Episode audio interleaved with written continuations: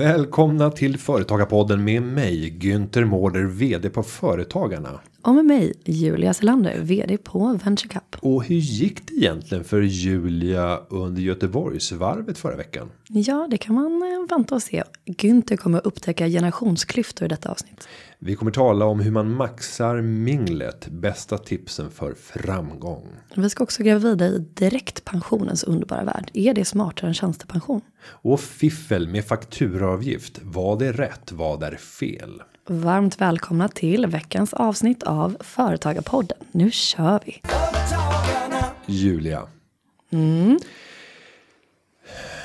Göteborgsvarvet. Vi måste ändå beröra det. Eh, va? Vadå Göteborgsvarvet? Vad pratar du om? Du eh, delgav lyssnarna Nej. eh, ditt deltagande i Göteborgsvarvet i förra avsnittet. Nu har det förlöpt. Jag skulle vilja säga som kungen. Nej, eh, jag tycker att vi eh, vänder blad. Eh, Då gör vi det. Eh, Julia får stå i skamvrån här efter avsnittets inspelande. Eh, Och så gräver vi en djup grop, kanske till och med en grav. Och Nja, vi gräver en grupp som är så pass djup att den kan öppnas genom 362 dagar när nästa års version går och jag ska ta revansch. ja, det är lysande. Ja. Men du, hur har det gått själv då i veckan? Har du någon? Ja, jo, Höjdpunkt. nej, jag har en, en höjdpunkt, men det är också en. Alltså det är lite av eh, ett sorgens tema också. Jag var på en föreläsning för eh, ungdomar. Du vet dessa ungdomar, dagens ungdom. Jo, och då var det en kvinna som eh, talade innan jag gick upp på scen. Och eh, hon var lite äldre än vad jag var och eh, delgav sig sina erfarenheter. När hon skulle visa en sak så gick hon in på Google. När alla eleverna satt framför henne. Och sen så började hon skriva in B. Och då kom BBC upp. Och det är ganska rimligt. Eh, om vi ska ta den vanligaste sökningen. Så är det ganska rimligt att just BBC kommer upp som en toppträff. Om man tänker i världen på Google och så vidare. Ja, men det är ändå rimligt att man söker efter det. Ja. Men då är det de här stökiga grabbarna eh, som sitter och dricker sportdryck och gömmer sin mobil i kepsarna och sitter och håller på. Eh, då började de gå igång som bara den och det blev ett stort fniss bland de här pojkarna. Och sen så är det en som vänder sig om lite längre bak mot, mot bänkraderna och säger Big Black Cock. Och bara, nej, och, alltså, och jag kände, alltså, jag kände en viss humor över hur de tolkar eh, BBC. Eh, men också en sorg när jag tänker att det här är liksom den framtida generationen. Det här är deras referensramar. Det här är alltså högstadie, gymnasieungdomar. Eh, som drar den kopplingen när Men man ser gud. BBC. ja, det är ju ändå ganska I din mörkt. värld kanske. Hur var det själv när du gick i nian Günther? Eller ja, och i och för sig, jag vill faktiskt inte veta för du var säkert exakt likadan då. Du skulle aldrig säga ja, det som sades. Nej, men jag ska, jag ska ta med lite skolkataloger vid tillfälle så ska du få se vem jag var. För det, Mm, var en, det var en dramatisk brytpunkt från sjuan, åttan och sen så över till nian. Någon gång i åttan så hände det någonting som helt förändrade mitt liv. Oj, cliffhanger. Jag återkommer till det. Ja, eh, mörker på Günther här alltså. Men ändå ett visst eh, framtidshopp. För att man får ändå ge att de var ganska kreativa de här ungdomarna. Ja, de kanske kommer kunna reproduceras i alla Ja, fall. Så det kommer bli fler. Vad härligt. Det låter mång och det kanske blir mer mångkulturellt. Eh, ja, vi, vi går vidare till vi. dagens huvudämne och det blir minglandet och nätverkandet.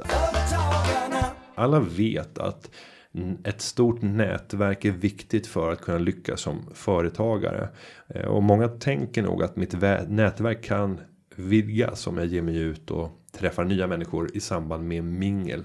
Vad har du för förhållande till corporate mingles? Corporate mingles. Eh, jag får väl säga att det är en hatkärlek som på senare år har blivit nästan bara kärlek. Eh, det är ju ett nödvändigt ont och det är väldigt lätt att man tänker komiska scenarier där ja, personal, man själv inte minst i olika situationer passar på att gå på trevliga mingel för att det är så himla kul. Men vad blir businessen, vad blir affärerna och resultatet? Och jag tycker det är viktigt att ställa sig frågan varför är det viktigt med ett eh, stort nätverk? Hur kan man använda det? Och, och, är det just på minglet som nätverket skapas? För många gånger så kommer man kanske från ett mingel med en hel drös av visitkort. Vad är det egentliga värdet mm. av alla dessa visitkort? Ja men verkligen. Hade du förresten en sån här eh, visitkortssnurra någon gång? Nej, det har jag aldrig haft, men jag har haft en visitkortsperm. Mm, ja, det. Så att eh, det har förekommit. Den har nu lagts ner. Eh, nu är det bara en stor bunt insamlad i en plastlåda där de ligger i kronologisk ordning. Mm, och förr i tiden var jag skickligare på att faktiskt eh, samla in värdefull information som gjorde att de blev användbara. Mm. För att i de flesta fall om du har varit på ett mingel och fått 10 kort så är de där helt utan värde bara några dagar senare om du inte har gjort någonting för att då har du glömt bort vem är vem? Vad pratade vi om? Vad var det som var intressant med den här personen? Men förr i tiden så var jag duktigare på att så fort jag hade fått ett kort omedelbart ta upp en penna, gå lite åt sidan, skriva ner några kärnnoteringar över vad var speciellt med det här samtalet? Vad kan de tänkas hjälpa till med? I vilket sammanhang och vilket datum träffades vi? Och finns det någonting privat som vi pratade om? Mm. Eh, och det här gjorde jag framförallt i stunder när man kom in i nya miljöer. Det kunde vara ny på en arbetsplats eller innan dess ny i en skola. Så jag kommer ihåg på Handels min första mina första veckor. Du vet när alla är öppna och alla pratar med alla. Då satt jag för sådana anteckningar. Då fick man ju inte ett visitkort. Eh, men däremot så presenterade man sig för varandra. Och då hade jag min Palm Pilot VX mm. 5X. Och där så skrev jag upp namnet och vad vi hade pratat om och någonting som var aktuellt eller någonting som gjorde att jag kom ihåg den här personen. Och det gjorde att jag ganska snabbt fick en lista på 150-200 namn.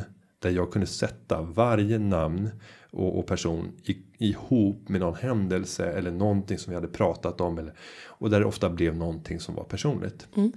Och det där var en väldig hjälp för mig sen. För många blir väldigt överraskade. När man kommer ihåg saker. En positivt överraskning. Och, och när jag kan liksom ställa frågor några veckor senare. Bara, men hur gick det på den där volleybollturneringen som du var så nervös över? Gick ni segrande ur, ur kuppen? Mm. Va? Hur kommer du ihåg det? Vi pratade en gång i några minuter. Um, och, och, kanske var det en bidragande orsak till att jag senare kunde bli kårordförande på, på Handels.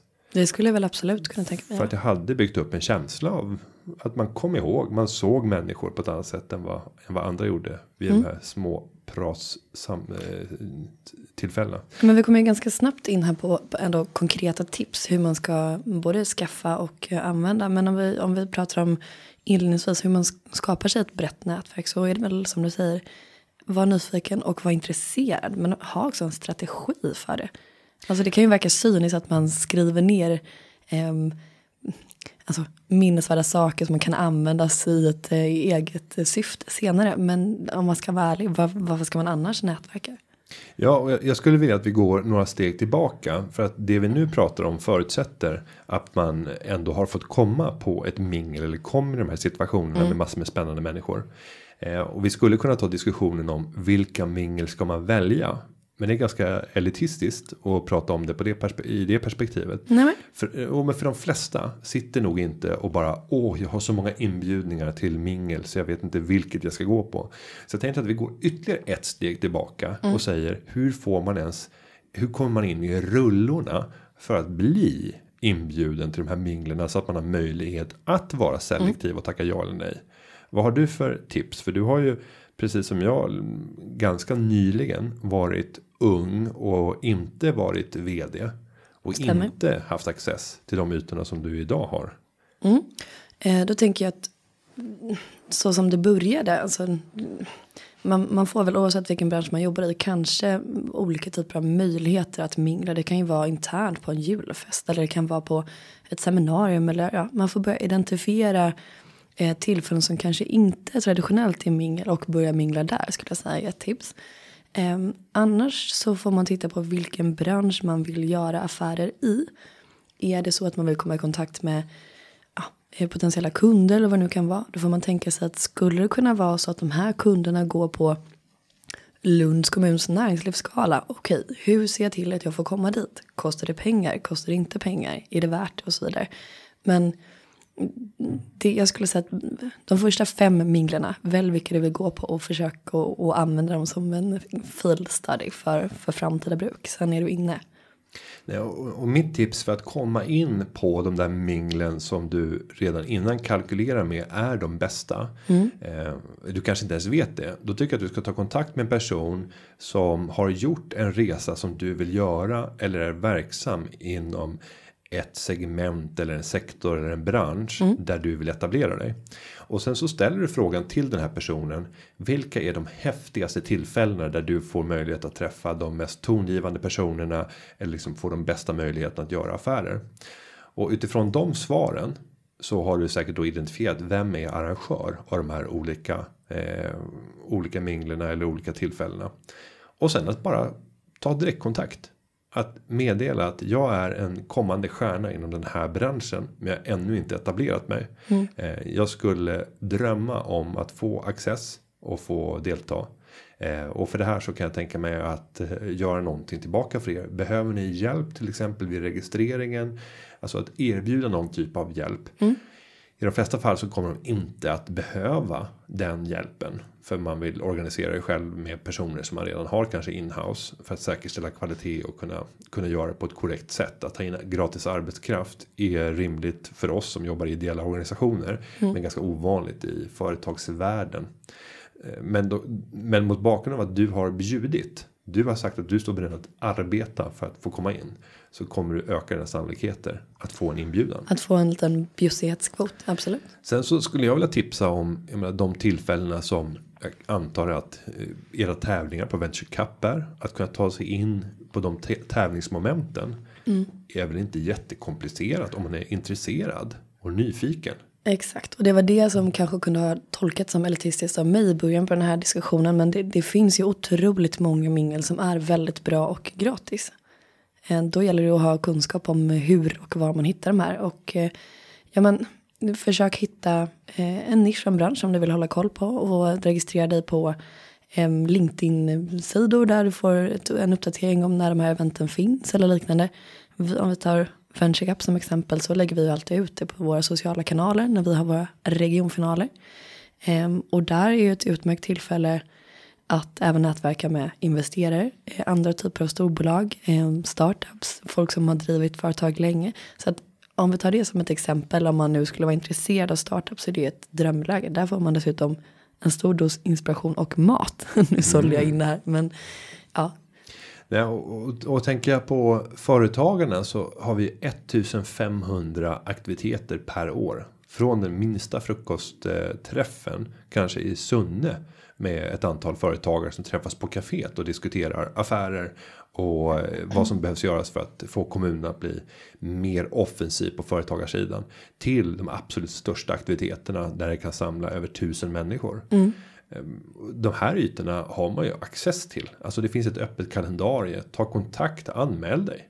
Eh, Och kommer man till ett sånt där lite medellitet evenemang där det kanske är 30-40 stycken företagare eh, på en frukostträff.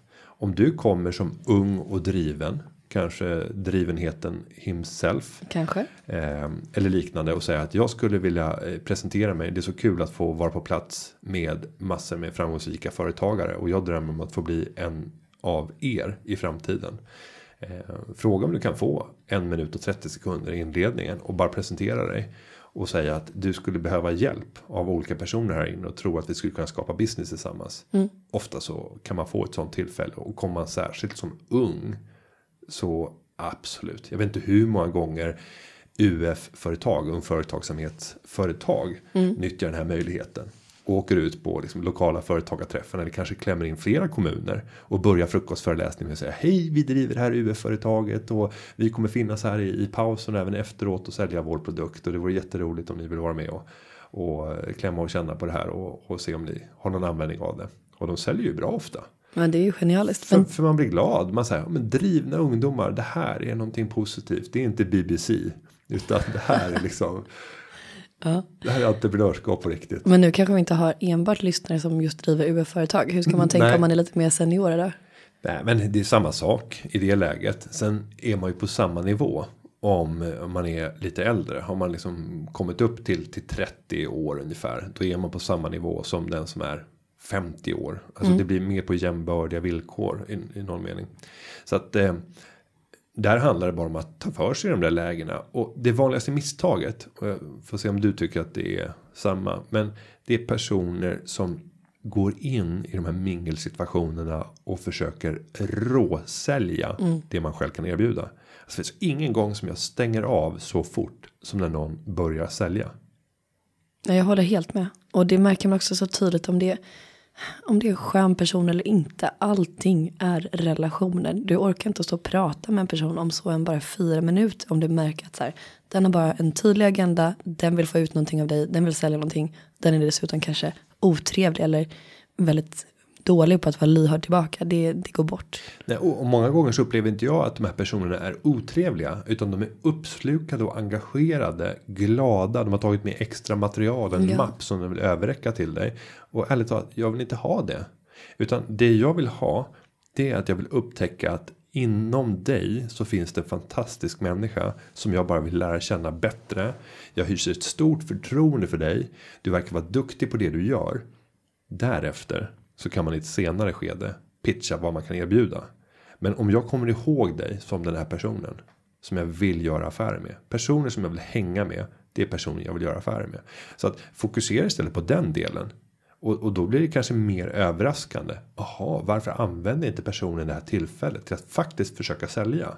Ehm, men och vara lite hemlighetsfull. Det kan också vara en, en sån här nyckel. Så bara, "Ja, nej, men jag driver en, en startup som är, känns eh, väldigt spännande. Det är otroligt roligt. Eh, och, och, men jag är mer nyfiken på på dig. Hur är det till exempel att, att få leda företagen? Vilka är de stora frågorna just nu för, för er när ni tittar på näringspolitiken? Ja, då kommer jag igång och folk, folk älskar att prata om sig själv. Eh, så är det ju. Vissa mer och vissa mindre. Jo, men de flesta, de flesta gör ju det. Ja, Ehm, såklart. Och eh, att bara stå där och lyssna och försöka liksom, få ut vad är de största utmaningarna för den här personen. Och om, om du eh, har någonting där du tror att du skulle kunna sälja till den här personen. Börja ställa en fråga kopplad till det ämnet. Så om det var till mig så kanske det var så här man kan gissa att medlemsrekrytering är en väldigt stor fråga för mig. Eh, Och då kanske man skulle ställa en öppen fråga. Så bara, men Günther, jag tänker så här. Att driva en, en medlemsorganisation för företagare. Vilka är de stora utmaningarna idag? Ja, och så börjar jag komma igång och prata. Så bara, men hur, hur gör ni kring rekrytering? Och så helt plötsligt kanske du vet att du kan erbjuda någonting inom rekrytering. Så att förlös det här. Se till att få reda på på vilket sätt skulle jag kunna underlätta och lösa dina problem. Då har man börjat nå fram. Och det tycker jag också är en bra strategi. Att du, man ska vara tydlig och ha, ha tydligt värdeerbjudande som man har med sig i sin ryggsäck. Men du måste inte för den sakens skull plocka fram det här värdet vid varenda diskussion. Utan till exempel om jag tar mig själv då. Jag kan sälja tävlingen till potentiella partners som ger oss intäkter. Till tävlande som är med och tävlar, alltså kunder. Eller till eh, folk i nätverket som vill vara med som jury. Går jag på ett mingel så vet jag att jag kommer med största sannolikhet träffa minst en av varje. Eh, och då vet jag exakt vad jag ska säga om det naturligt blir så att jag märker att hmm, den här personen jag har stått och snickersnackat med i tre minuter vore en utmärkt juryperson. Jag tar och slänger fram det här lite snyggt, som av en händelse. Men det är också väldigt viktigt att känna att det här är inte ett tillfälle utan det här är en person som jag är nyfiken på. Jag lär mig alltid någonting. Och sen kanske kunna dra lunchkortet eller fikakortet. Och bara säga du skulle inte vi bara kunna ta en fika. Vi, vi verkar ha någonting. Eh, för det händer någonting när jag pratar med dig. Det skulle vara roligt att göra någonting mer. Men kan vi inte bara ta en förutsättningslös fika eller, eller lunch? Jag bjuder. Det där är ett väldigt bra knep. Det händer någonting när jag pratar med dig. Man får passa sig dock för att inte bli för relationsbyggande. Men om du förstår vad jag menar. Det kan också bli, det kan ju bli lite raggigt i vissa fall. Vilket är fallet med, med sälj. Alltså man, man säljer, det är ju det är liknande. Eh, Men absolut, man måste ju inte heller ta hela snacket och hela pitchen där. Utan man kan som, som, som du säger uppmana till, ja, vi, tar, vi byter kort, vi byter LinkedIn och så hörs vi. Och, och sen tycker jag att det är en stor fara i samband med sådana här mingel. Att du ganska snabbt finner en person som du skulle kunna göra någonting tillsammans med i framtiden och så fastnar man och börjar ta de diskussionerna där på plats och det är egentligen inte en speciellt bra miljö att föra ett sånt samtal i så att mitt råd är att om ni känner att ni har någonting, ni har ett, en, en grogrund för att skapa någonting tillsammans. Avbryt då och se till att ha bokat ett tillfälle när ni ses nästa gång. För att sen kunna mingla vidare. Eh, För att ni får mer ut av det om ni sitter i en lugn miljö och är helt avskärmade istället för att det är massor med andra människor runt omkring. Ni kanske har fått i er något glas innanför innanför västen höll jag på att säga. Men fyllt, fyllt magen. Eh, Det finns bättre bättre sammanhang. Ja men du håller ju det också mer intressant om man, om man håller sig ganska så kort. Man har en cliffhanger till nästa möte. Då kan man vässa på pitchen då. Men sen när man får det uppfölja, uppföljande mejlet. Så är det ju. Eh, alltså sannolikheten att personen ska agera. Tänk att du har varit på ett mingel. Det var någon som presenterade sig för dig. Nu pitchar de någonting. Skickar över ett mejl på en A4 sida. Eh, vad blir din reaktion i det läget? Ett, skicka aldrig en pitch på en A4-sida till mig. Ehm, kortare än så. Men jag har väldigt, vad ska man säga, jag, jag har ju, jag tränar ju på att bli bättre på att säga nej till saker. Eh, och jag känner ju em, ett engagemang. Om jag vet med mig att jag har pratat med Günther Mårder på, på ett mingel och du har sagt att ja men ska vi inte ta en lunch och jag säger där då som man gör. Jo men klart vi ska det. Sen byter vi kontaktuppgifter. Om du hör av dig till mig och säger hej Julia, vi, när ska vi ta den där lunchen? Jag kan måndag eller onsdag nästa vecka. Vad passar dig? Då är det väldigt svårt för mig att säga nej, jag vill inte eller "Ja, jag kan inte. Utan då, då vet jag att men jag har faktiskt ja, obligerat mig till att göra det här och han ger mig alternativ. Jag väljer. Alltså ge mig inte chansen att säga nej då. Nej, men det är väl rätt, ett, en rätt bra utgångspunkt. Om, om jag ska ge några tips för att tränga igenom de värsta av mejlkorgar. Om vi pratar om de som har gatekeepers. Eh, Och jag har ju en gatekeeper i min Güntern. Som går igenom alla mejl och bestämmer vad det är det som ska tränga igenom. Vad är det jag ska se. Och och där är det att addera liksom okonventionellt innehåll. Att vara annorlunda. Eh, Att sticka ut från mängden. Folk som har skickat med en kort video på så här 59 sekunder. Det är under en minut. Kan jag ta en minut av min tid och titta på den här videon som är unikt riktad till mig? Sannolikt. Eh, Och hade jag lagt 59 sekunder på att läsa ett mail där någon försöker sälja någonting. Om jag inte känner att jag har ett direkt behov av det här. Inte sannolikt. Nej. Det hade bara gått iväg på direkten. Tack för ditt mejl. Jag återkommer vid behov. Ehm, Men just den där filmen och det är möjligt att det kommer att vara ett obsolet tips om ett år om fler börjar nyttja den här möjligheten. Då måste man tänka annorlunda. Vad är nästa generation? Vad kan jag göra? Ehm, Så att eh, var innovativ, utmana, gör någonting annorlunda som gör att du tränger igenom. Men skulle du säga att det även gäller med rubriksättningen på titeln i mejlet? Ja absolut. Jag menar, det måste sticka ut. Eh, men sen så sticka ut i den här meningen handlar ju tycker jag om att vara väldigt personlig. Så att visa att det här är riktat till dig. Det här är inte något massmail som jag använder. Där jag bara ändrar lite grann i det. För att anpassas för dig. Utan det är unikt skrivet för dig. Sen så kan det ju vara om vi tar de här riktiga höjdarna. Om du vill göra affärer med storbolagen och du behöver börs accept för att gå vidare i en affär. Då är mejlen oftast ganska dålig för de flesta börs har en hel stab som bara sorterar ut eh, sådana här saker för att inte störa, bli av med brus helt enkelt. Men däremot så brukar LinkedIn vara en plattform som väldigt få chefer bjuder ut eller liksom eh, delegerar till en, eh, en assistent eller liknande. Den sitter de ofta och administrerar själva. Mm. Den möjligheten tycker jag du ska använda. Skicka ett direktmeddelande där. Men det är snyggt och då tycker jag att det finns en, en tidslimit där som vi pratade om tidigare. Att Okej men man har träffat en, en spännande person på ett mingel. Gärna samma kväll. Förutsatt att, eh, att minglet inte är väldigt sent och att man har fått några glas innanför västen såklart. Men eh, samma kväll gärna eller dagen efter. Så lägger man till på LinkedIn och så skriver man ett personligt meddelande. Tjena, tack för och så någonting ja, personligt där. Och ett förslag till att ses. Det är som du säger, bra tips.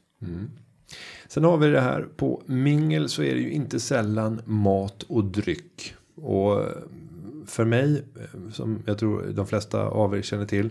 Jag har ju en riktig radiokropp och, och, och den har inte byggts av eh, hård träning på eh, Göteborgs varv eller liknande utan snarare på på mingel med Google mat och dryck. Jag är ju svag för det här. Ja. Det går ju också som hand i handske inom sparad krona så att säga. Ja det gör det. Och, jag tycker att alltså den bästa middagen. Det ska vara obegränsat med snittar, bubbel. Eh, och det ska naturligtvis vara gratis. Självklart. Det är den bästa middagen. Det är lite Winston Churchill eh, kommentarer här om, om bubbel som ska vara kall, torr och gratis. Ja, eh, hur, hur lägger du band på dig? Eller är det här ens ett, ett problem höll jag på att säga? Det här är verkligen inte ett problem för mig. Nej, Eh, du är jag- den som går och sprätter. Nej, men jag tycker att, jag vill inte förhärliga mig själv, men jag tycker att det är väldigt roligt. Alltså jag tycker att även om jag skulle hamna på ett mingel om en bransch som jag har noll koll på, kanske specifikt då, då kan man ju lära sig massor. Alltså man vet ju aldrig vad man pratar med, så att jag vill inte ha... Jo, jo, men nu, nu dömer du mig. Nej, nej, nej, nej, låt mig tala till punkt. Jag Jag, menar jag bara kan att, också tycka att det är roligt. Ja, men jag sa väl inte att du inte kunde tycka, det är väl det man kan höra ihop, men jag menar bara att det ska komma till att jag vill inte ha massa saker i händerna som gör att jag inte kan prata med folk, utan då drar jag hellre in Pratar du med dina händer? Ja men okej, vi ska hälsa på varandra, vi står på ett mingel. Jag har en gammal köttfärslimpa och ett glas bubbel. Jag kan inte hälsa, det blir krångligt och jag har mat mellan tänderna. Alltså, nej, dålig andedräkt på mingel, gå bort. Ja. Det är så här, håll, alltså, Hoppa ankleven. Ja, men jag skulle vilja säga att om du ska gå på en vanlig middag hemma hos någon enligt vett och etikettboken så ska du vara lagom mätt när du kommer dit. För att du inte ska äta som en dåre. För det blir inte så trevligt för själva innehållet på middagen. Samma sätt är det på mingel. Du behöver inte vara glupande hungrig när du kommer dit så att du börjar med att stå och trycka i dig någonting i hörnet. Utan Står i hörnet kan- och slickar skålen. Exakt, eller det kanske gör det unikt då, jag vet inte. Men eh, jag, jag brukar oftast inte vara så jätteimponerad av mingelmaten. Utan men jag tar något litet för att det ser trevligt ut. Och såklart kan jag också vara jättehungrig på mingel och det äter jag ju. Men eh, det är inte det som är fokus för mig. Utan det är mer så här, hmm, vad kan jag lära mig faktiskt. Med det så stänger vi porten för minglet och beger oss in i pensionens värld. Vi har fått en fråga. Det har vi. Pensionens underbara värld. Ja, vi har fått en, eh, en fråga från Ola Granholm. Han skriver så här. Hej! Tack för en högklassig podd. Jag har lyssnat på alla avsnitt. Härligt att höra. Jag är företagare sedan fem år tillbaka. Har sadlat om från näringslivschef till konsult och triv, trivs fantastiskt bra med det. Han skriver också att han är styrelsemedlem i Företagarnas lokalförening. Det är väl musik i öron. Det tackar vi för. Härligt. Um, Ola skriver, jag delar kontorslandskap med ett tiotal andra småföretagare i en vackert renoverad lokal i Orsa. Gud vad härligt. Vi trivs fint tillsammans och gör många saker, både under och efter arbetstid. Bland annat pratar vi om företagande och nu funderar vi på direktpension som ni pratade om i ett tidigare avsnitt. Vi vill nu byta ut våra, inom parentes, dyra tjänstepensionslösningar mot att bli våra egna pensionsförvaltare för att få några kronor extra i pensionskuvertet. Hur går vi tillväga rent praktiskt? Vad krävs för att vi ska komma igång med direktpension? Förutom att säga upp avtalet med pensionsförvaltaren då. Tusen tack på förhand från Ola och de andra företagarna på Dalagatan 1 i Orsa. Vi hälsar till alla på Dalagatan. Ja, men det låter så himla mysigt. Man vill ju sitta där och hänga med dem. Ja, och, och jag var inte långt därifrån. Jag var i Mora så såg jag skylten mot Orsa. Jag övervägde till och med att åka till Orsa Grönklitt här i, i lördags. Men sen åkte jag istället till Salins strutsfarm i Borlänge. Det var en fantastisk upplevelse. Man kan ju inte göra allting på en gång. Nej, men, nu, och, men det rekommenderar jag varmt. Eh, åk till strutsfarmen. Det var en upplevelse heta duga.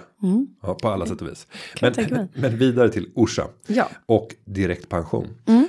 Eh, nu säger Ola, säga upp tjänstepensionen. Nej, det är inte nödvändigt att säga upp det, den tjänstepensionsförsäkring som man har. Utan direktpension kan vara ett komplement. Men eftersom man skriver att det är dyra tjänstepensionslösningar så skulle jag företrädesvis säga upp dem. De inbetalningar som har gjorts till den tjänstepensionsförsäkringen. De kan han inte göra någonting åt. Han kan eventuellt flytta den inbetalade tjänstepension som hittills finns till en aktör som tar ut lägre avgifter och där han får större friheter att kunna välja. Det kan ju till exempel vara nätmäklarna Ehm, och går man till en nätmäklare och lyckas flytta sin tjänstepension då tar det ju också över mycket av ansvaret att förvalta det och det verkar vara vad han vill. Han skriver att bli sin egen förvaltare. Ja. Så att testa och se kan du flytta den nuvarande tjänstepensionsförsäkringen in till en nätmäklare och därmed börja göra affärer själv antingen i fonder eller direkt i aktier eller de instrument som man vill ha. Sen kommer vi till direktpension och det är ett alternativ som man som företagare har. Eh, du kan teckna direktpension även med dina anställda, men det blir lite svårare. Det här är ett avtal som man tecknar mellan arbetsgivaren och arbetstagaren och där den uppgörelsen kan brytas, vilket gör att eh, om båda parter är överens så kan man bryta det och återföra pengarna till bolaget. Och varför är det här intressant? Jo, för tjänstepension skapar en inlåsning. Varje krona du för över dit kommer att vara låst till den dagen du fyller 55 år då du tidigast kan plocka ut den om försäkringsvillkoren gör gällande att, att det är okej.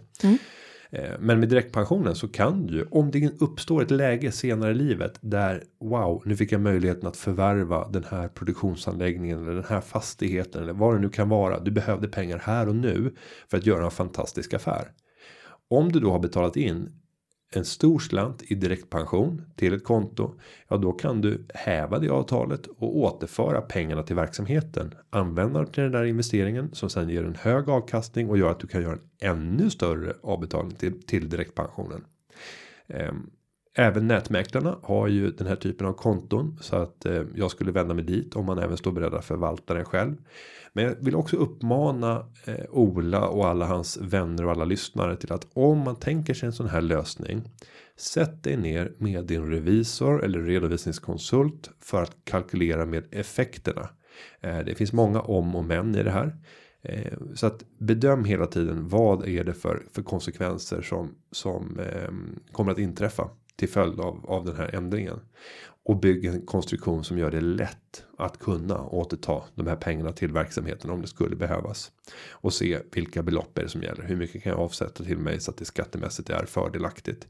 För det här är ju ett, ett, ett typ av värdeuttag ur bolaget. Vi kan välja att plocka ut pengar på olika sätt. Vi kan ta ut som lön, vi kan ta ut det som utdelning eller framtida lön när det gäller pension. Och alla olika alternativen har olika skattemässiga effekter på det. Och det där kan en redovisningskonsult hjälpa dig med. Ja, men det är väl ett jättebra tips. Jag tänker, i och med att de är ett sånt gött gäng där också då, på Dalagatan. Är det någonting de kan dra fördel av att de är ett tiotal småföretagare som kanske kan skapa bättre villkor tillsammans? Om de...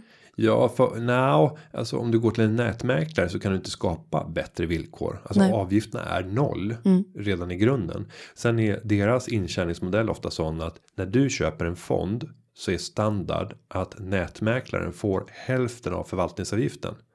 Eh, men det är du själv som väljer fond. Så väljer du en lågprisfond. Ja då kommer nätmäklaren att tjäna mindre, mindre pengar. Och det skulle man då kunna hävda. Kan leda till att nätmäklaren kommer att vilja promota fonder som är lite dyrare. Mm. Än vad som annars finns i utbudet. Men det är inte min upplevelse. Inte bland de seriösa aktörerna.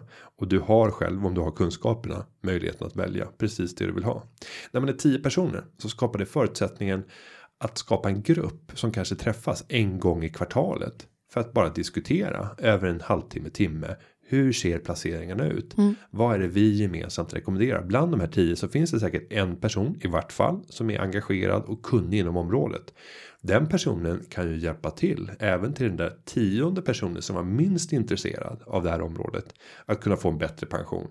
För den där tionde och sista personen kan säkert hjälpa till med någonting annat Exakt. som den där första personen inte var så duktig på. Till exempel vad händer när datorn kraschar här och kommit åt mitt nätverk. Det kanske visar sig att den personen var datasnille och kunde lösa det här hur enkelt som helst. Så att just den här konstellationen att vara en grupp företagare som hjälper varandra till framgång. För mig så är det den yttersta njutningen. Ja men det är så härligt. Man får eh, tänka att man blir starkare tillsammans och då är ju förutsättningen var bjussiga. Det verkar som att ni har det riktigt gött på, på Dalagatan i Orsa så det är ja, bra, bra jobbat. Vi ska gå vidare. Det ska vi. Vi har fått in ytterligare en fråga och den här kommer ifrån miljonärsyrran på Twitter. Och de skriver eh, han eller hon så här. Eh, av bilden att döma. eh, Vi behöver inte göra någon könsbestämning. Av bilden att döma så är det en, en man på bilden. Eh, och man säger ju sjuksyster även om en man va. Oavsett så är frågan följande. Störande att ett flertal företag tar en fakturaavgift. Beloppet varierar från 7 till 50 kronor. Får man ta betalt hur som helst? Frågetecken. Hashtag företagarpodden.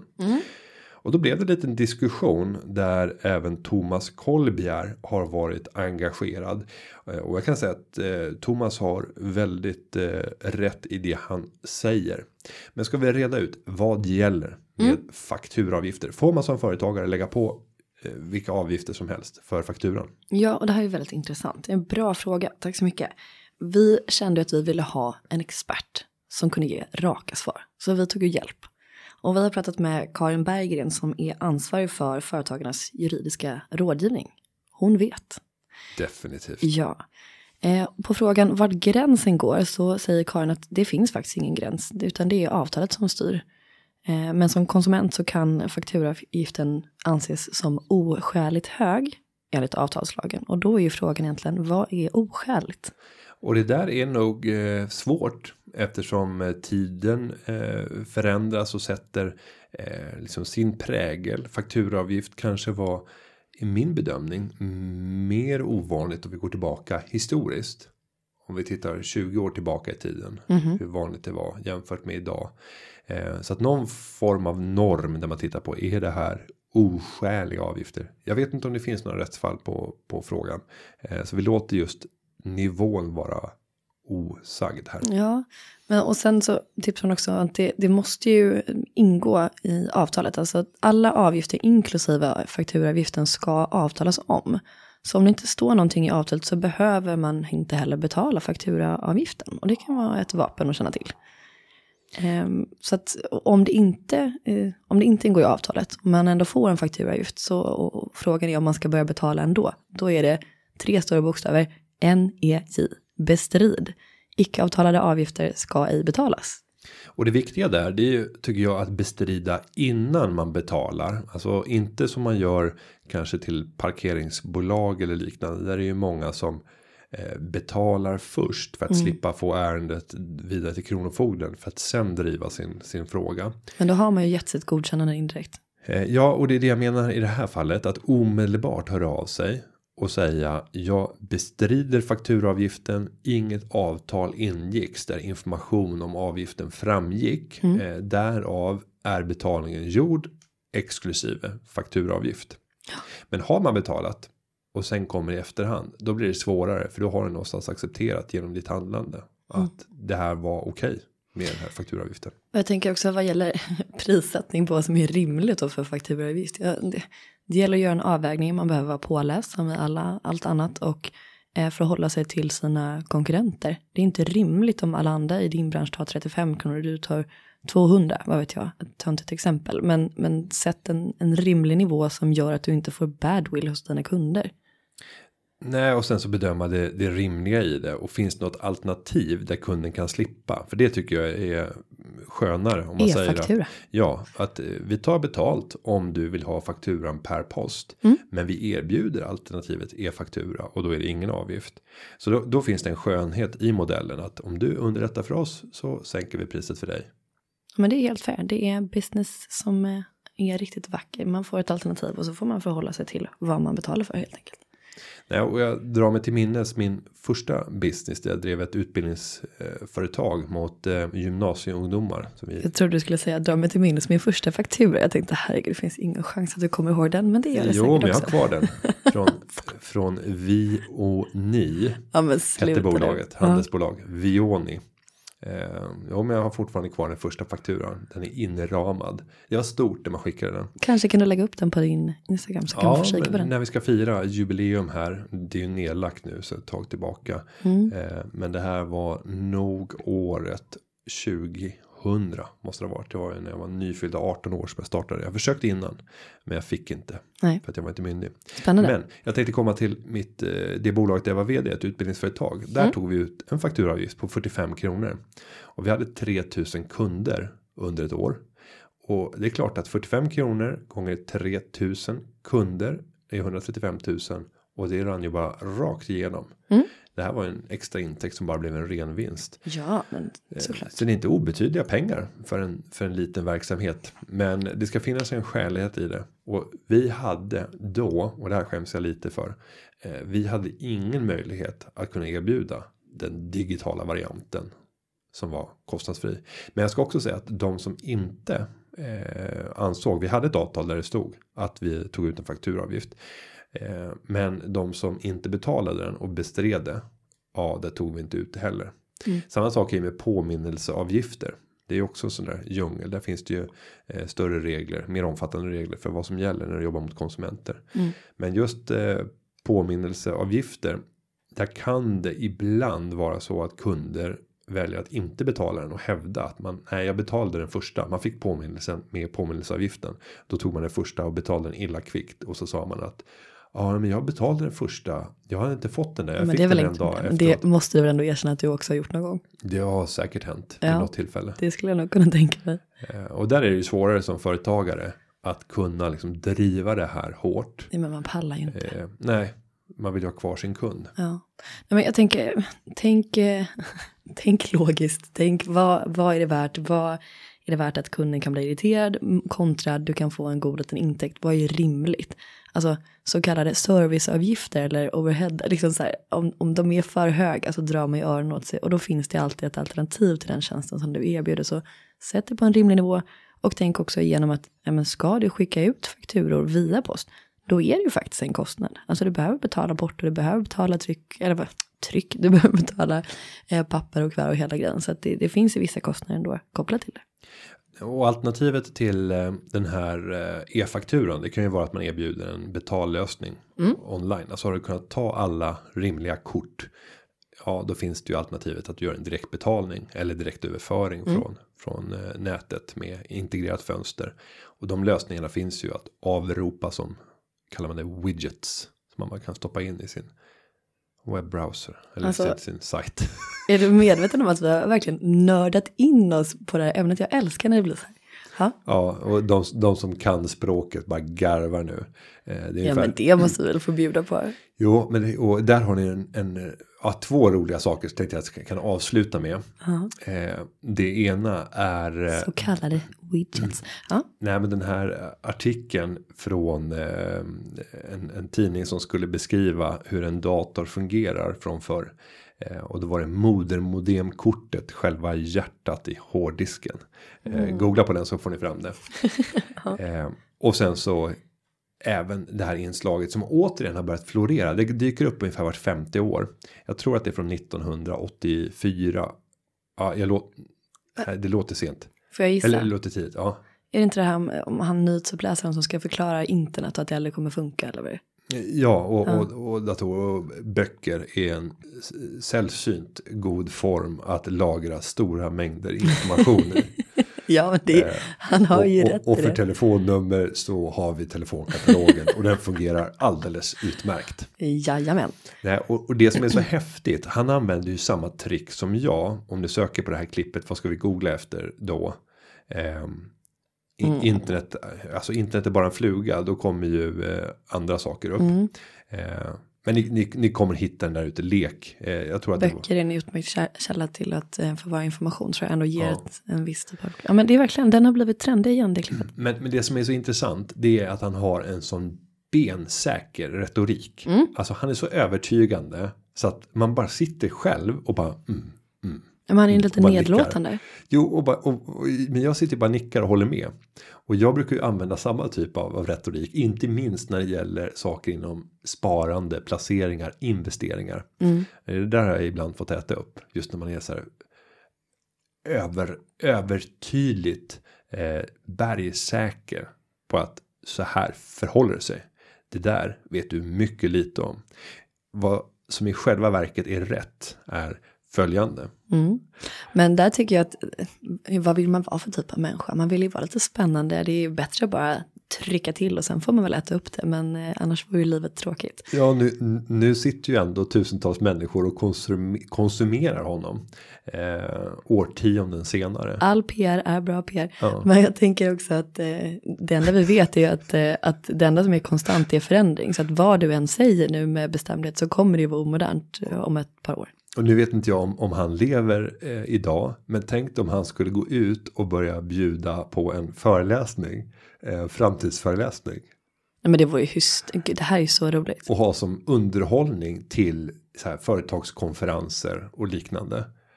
Där man liksom sitter och, och eh, vrider sig av skratt. Och att det, det är underhållning. Jag tycker att han ska skicka med videon eller det här klippet till inbjudan. Ja, nu säljer jag mina Mina framtida analyser. framtida analyser.